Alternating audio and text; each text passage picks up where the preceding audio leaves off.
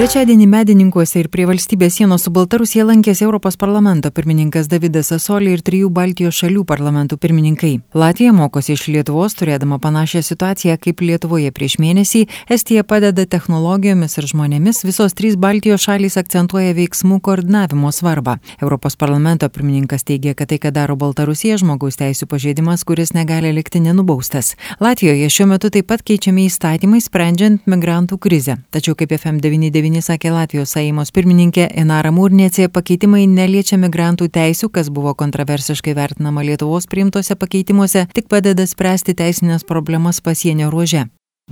Šiuo metu jūs priimate įstatymų pakeitimus dėl migrantų, ką darė ir Lietuva. Ar jie tokie pat kaip Lietuvos įstatymas, kuris vertinamas gana kontroversiškai? Actually, uh,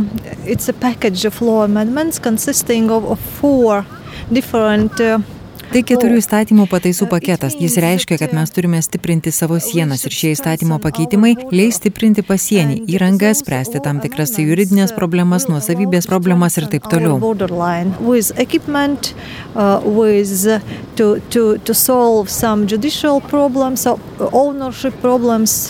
etc., etc.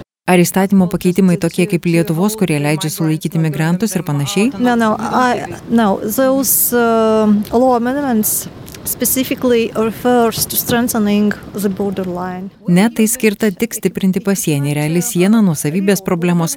Mes turime platinti pasienio ruožą kai kuriuose vietose ir šie įstatymo pakeitimai mums leis reaguoti greičiau. React uh, Ar ir jūs statysite fizinę sieną? Yes, yes, idea, uh, on... Taip, mintis tokia, vyriausybė dabar dirba su šiuo klausimu. And yes, Atsakomybių pasidalymas Latvijoje tarp savivaldybių ir vyriausybės. Ar taikote tokį pat modelį kaip Lietuva, kai savivaldybės rūpinasi migrantų apgyvendinimu ir panašiai, ar labiau centralizuotai? Uh, well, uh, Lietuva turi ilgesnę patirtį su šia problema Latvijoje, tai gana nauja. Mes paskelbėme ekstremalią situaciją keturiose savivaldybėse prie Latvijos sienos su Baltarusija ir tai leis mums reaguoti greičiau.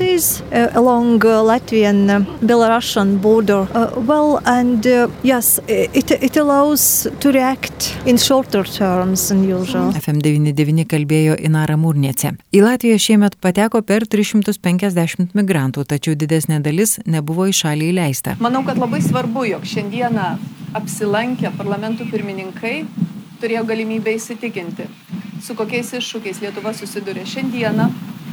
Ir taip pat galbūt tai um, mūsų patirtis tampa ir pavyzdžių, ir naudinga patirtimi kolegoms, kolegoms Latvijoje, mūsų regione, kurie taip pat, taip pat na, galima sakyti, tampa to paties iššūkio dalimi. Spaudos konferencijoje medininkuose kalbėjo Lietuvos Seimo pirmininkė Viktorija Čmilytė. Lietuva, Latvija, kolegos Mes susitikome su pasienio pareigūnais ir matome, kiek daug jie daro. Krizė dar nėra pasibaigusi. ir mums tikrai dar reikės labai daug padaryti. Estija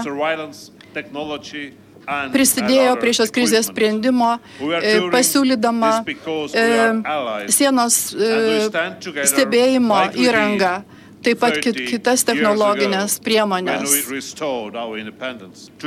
Šiandieną mes visi padėjome gėlės prie memorialo skirto septyniems brutaliai nužudytams pasienio pareigūnams Lietuvoje, kurie žuvo už mūsų visų trijų laisvę sakė Estijos parlamento pirmininkas Jūri Ratas. Europos parlamento vadovas Davidas Sasoli teigia, kad Baltarusijos siekis sukelti migracijos krizę Baltijos šalyse yra pamoka visai ES. Mums visiems, mūsų bendram saugumui, visos ES saugumui, mes turime dėti daugiau pastangų.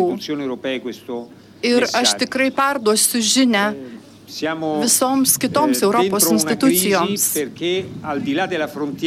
Mes susidurėme su krize, kadangi eh, už šios sienos yra režimas, kuris žudo laisvę ir kuris nori su mumis konkuruoti. Mes negalime leisti, kad ši agresija liktų nenubausta. Mes turime reaguoti ir kaip Europos parlamentas mes toliau prašome kitų valdžios institucijų paleisti politinius kalinius ir mes galvojame, kad visa tai, kas vyksta, yra iš tikrųjų žmogaus teisų pažeidimas. Ir tai tenka padaryti tiek Lietuvai, tiek kitoms Baltijos valstybėms. Taip neturi būti.